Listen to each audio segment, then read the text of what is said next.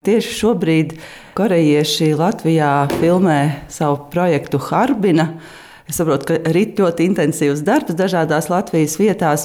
Filma vēsta par korejiešu brīvības cīņām 20. gadsimta sākumā. Bet kā tas nācās, ka korejieši šobrīd ir šeit, kam pateicoties tas ir noticis, un cik liela ir mūsu pašu iesaiste šajā projektā? Jā, nu tā vēsture vispār mums ar Koreju un ar Āzijas valstīm ir sākusies jau 2008. gadā. Un, eh, ja runājam tieši par Koreju, tad ar Koreju šis mums jau ir trešais projekts. Un, uh, iepriekšējais bija filmēšana 2019. gadā. Un ļoti interesanti, ka arī tā filma bija par šo pašu tēmu, tikai bija cits žanrs. Tā bija vairāk tāda tā kā mūzikls un tāda nedaudz romantiskāk, tad šī ir vairāk par īstām cīņām, un spiegiem un nodevībām un tam līdzīgi.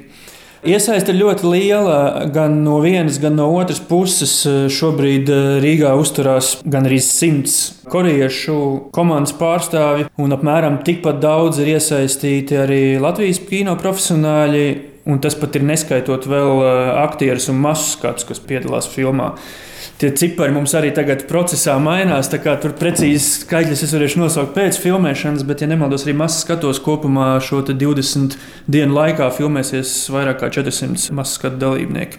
No Latvijas. No Latvijas jā. Mhm. Un ir arī daži latviešu aktieri. Guna Zariņa jau savu lomu ir nospēlējusi ļoti īsi, bet kā jau ar viņu tas vienmēr notiek ļoti kolorīti un spilgti.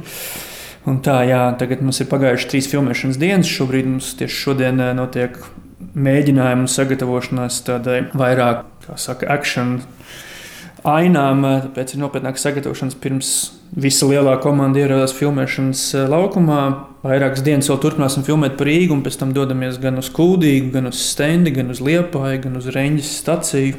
Tieši kādus eh, notikumus Latvijā filmē korejieši un kādas vides? Ļoti dažādi. Mēs filmējam gan eh, Krievijas austrumus, kas ir eh, Vladivostoka un vēl tur pilsētas, un arī dažas specifiskas, pat viņu lokācijas. Jā, man liekas, tā neparasti, ka, piemēram, arī kādas Harbinas vides, tāda Ķīnas pilsētas vides arī filmē Latvijā. Nu, kā tas tā notiek, ka kaut kur Latvijā tiek ieraudzīta kāda Ķīnas pilsētas vide? Nu, ziniet, tā ir kino burvība. Ja?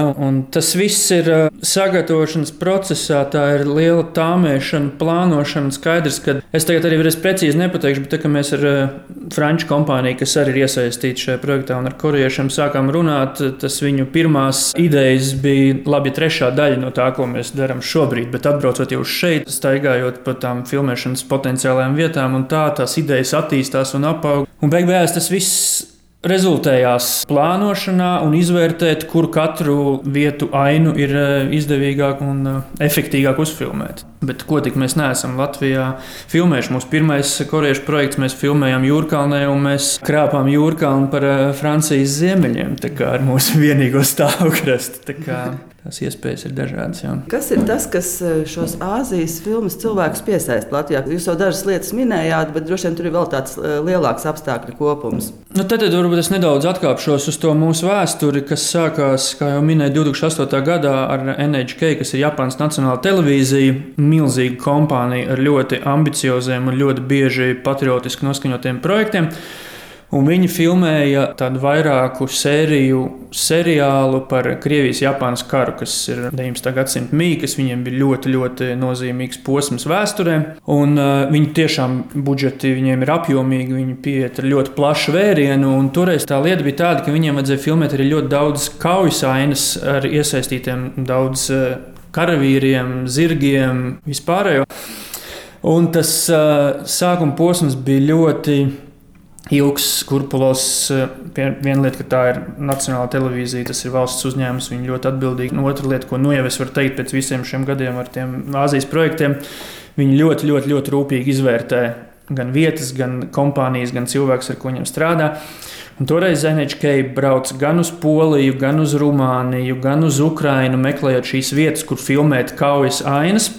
Un skaidrs, ka viņi gan Rumānijā, gan Ukrajinā varēja atrast brīnišķīgas tas stepes, kur filmēt tās kaujas ainas, bet uh, mums tā veiksme un sagadīšanās bija tā, ka mums ir ādašu poligons.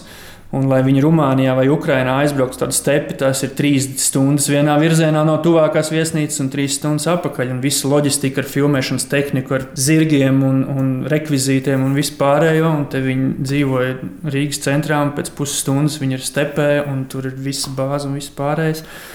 Un tā mēs tā teikt, vinnējām tajā konkursā, un viņi uzfilmēja šeit ļoti apjomīgu projektu. Filmēšana pat mums bija 2010. gadā. Tas arī bija viens no pirmajiem projektiem jaunizveidotajam Rīgas filmu fondam, kas atbalsta joprojām ārzemju projektu filmēšanu Latvijā un latviešu cilvēku un uzņēmumu resursu iesaisti.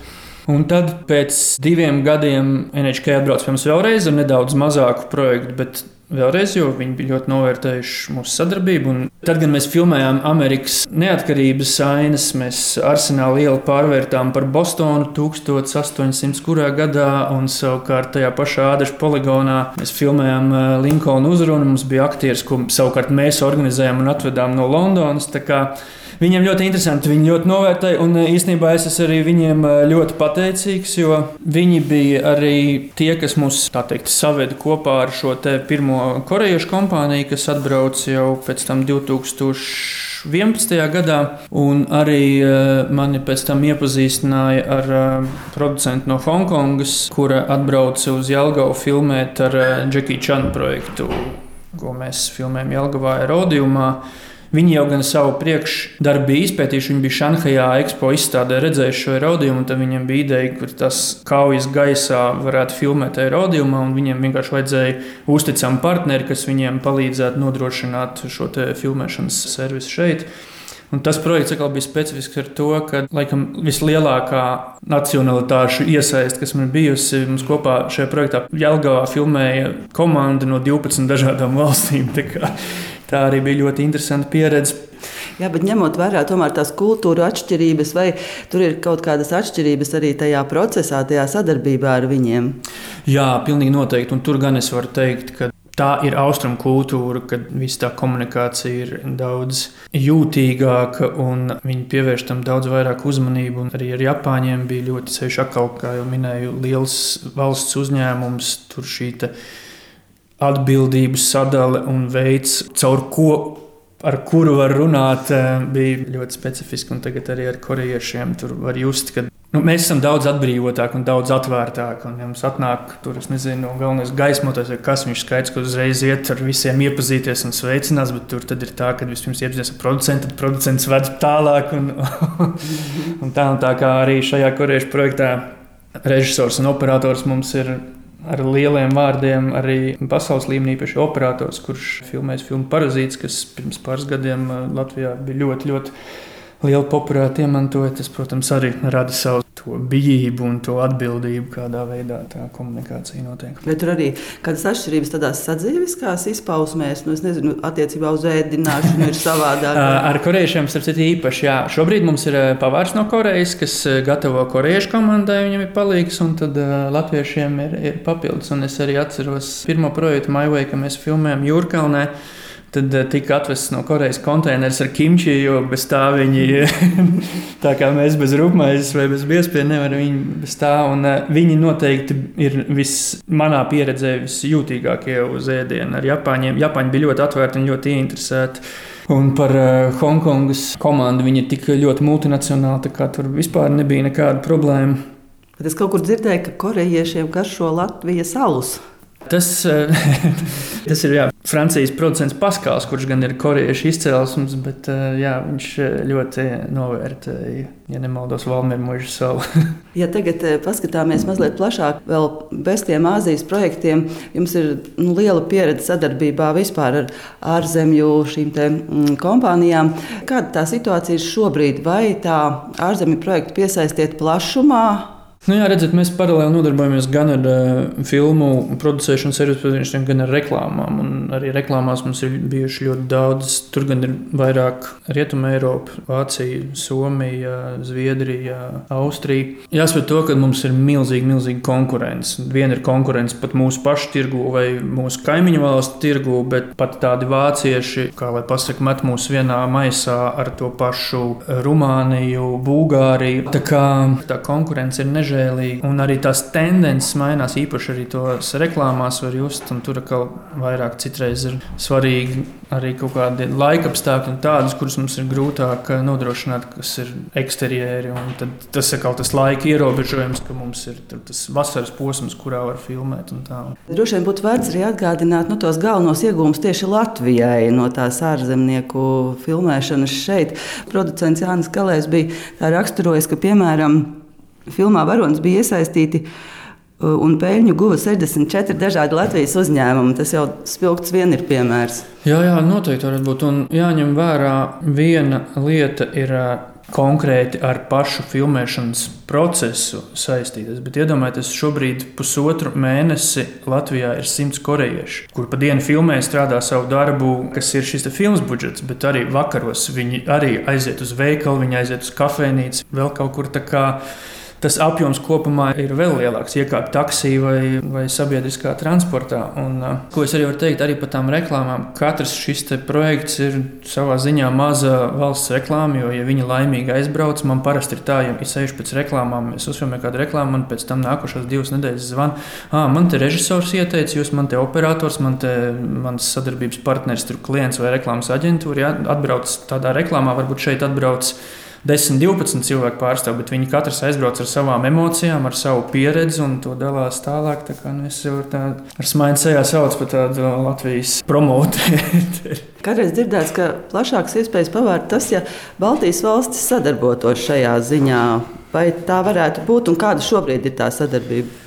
Mēs sadarbojamies jau no mūsu pašiem pirmsākumiem, pat pirms 18, 20 gadiem, kad mēs sākām, Lietuvas kino industrija bija daudz attīstītāka. Un, eh, ja man bija kaut kāda ārzemju reklāmas projekta, bija pat kaut kāda personāla gaismošanas aprīkojums un cilvēks, kas ņēma no Lietuvas, jo viņiem jau Holivuda bija izaudzinājusi 90. gados. Tādā tehniskā sadarbībā šī sadarbība ir bijusi vienmēr, bet par ko man šobrīd ir liels prieks, ka mums arī ir veidojās eh, sadarbība arī radošajā ziņā. Un, eh, mums, piemēram, jau šogad plānojam jau mūsu trešo Baltijas eh, kopražojumu filmu Latvijā rādīt. Pirmā bija pirms, neatceros jau vairs cik gadiem, bija Latvijā ar nosaukumu Ātri Igauni puiši, kas bija tā kā Igauni pamat producēti, bet mēs bijām mazākuma producenti Pagājušajā gadā diezgan veiksmīgi mēs izrādījām filmu Suflieris, kas bija Baltijas un uh, Somijas kopražojums arī ar Kasparu Znotiņu un Agnēs Budovsku vienās no galvenajām lomām. Rihards Zaļupa bija galvenais komponists. Un tagad mums būs uh, filma aptiekars Melchiors, uh, kas arī ļoti ambiciozs un apjomīgs projekts. Daudzslāņains ņemot vērā arī visu satura patērēšanas veidu, tad arī tas projekts jau iepriekš ir izdomāts, ka viņš darbojas gan kā projekts, kā filma, gan pēc tam viņu var attīstīt sērijās. Tā mums arī pašiem tāda interesa pieredze. Un jā, ir ļoti, ļoti patīkami, kad nu, mēs neskatāmies uz kaimiņiem vairs kā agrāk, varbūt uz konkurentiem un ar kaut kādu skaudību vai kaut ko, bet tiešām šī sadarbība izdevies ļoti veiksmīgi. Nestoties pat uz mūsu atšķirīgām kultūrām un vēl atšķirīgo valodu, mēs spējam veidot diezgan jēgpilnus un interesantus projektus, kas uh, ir interesants visām trijām valstīm. Kad Melchiors būs skatāms? Ļoti ceram, ka jau aprīlī pirmā filmas daļa būs uh, kinoteātros. Un visbeidzot, mm, jūsu kontā ir arī pašmāju projekti Fogelfrei un uh, Homo Novus, vai kaut kas arī šajā jomā ir gaidāms? Jā. Šobrīd eh, arī strādājam pie ļoti interesanta un ambicioza projekta. Ir ļoti, ļoti agrīnā stadijā. Tas vēl sīkāk neizplatīšu, bet es pats esmu ļoti ieinteresēts un patīkami satraukts par šo projektu. Man liekas, tas ir ļoti interesants. Ļoti dažādām skatītāju grupām un arī paudzēm. Un tā. Tikai tik daudz vai vēsturiska filma vai mūsdienas? Uh, tuvā vēsture, Padomju laiks. Uh, īstenībā pārmaiņu laiks. 80. un 90. gadi. Ļoti ceru, ka mums izdosies šo iedzīvināt, jo ambīcijas ir lielas. Kādā stadijā ir apmēram scenārija? Jā, agrīnā scenārija stadijā, materiālu izpētē. Paldies, lai jums izdodas. Paldies, liels. Paldies par sarunu.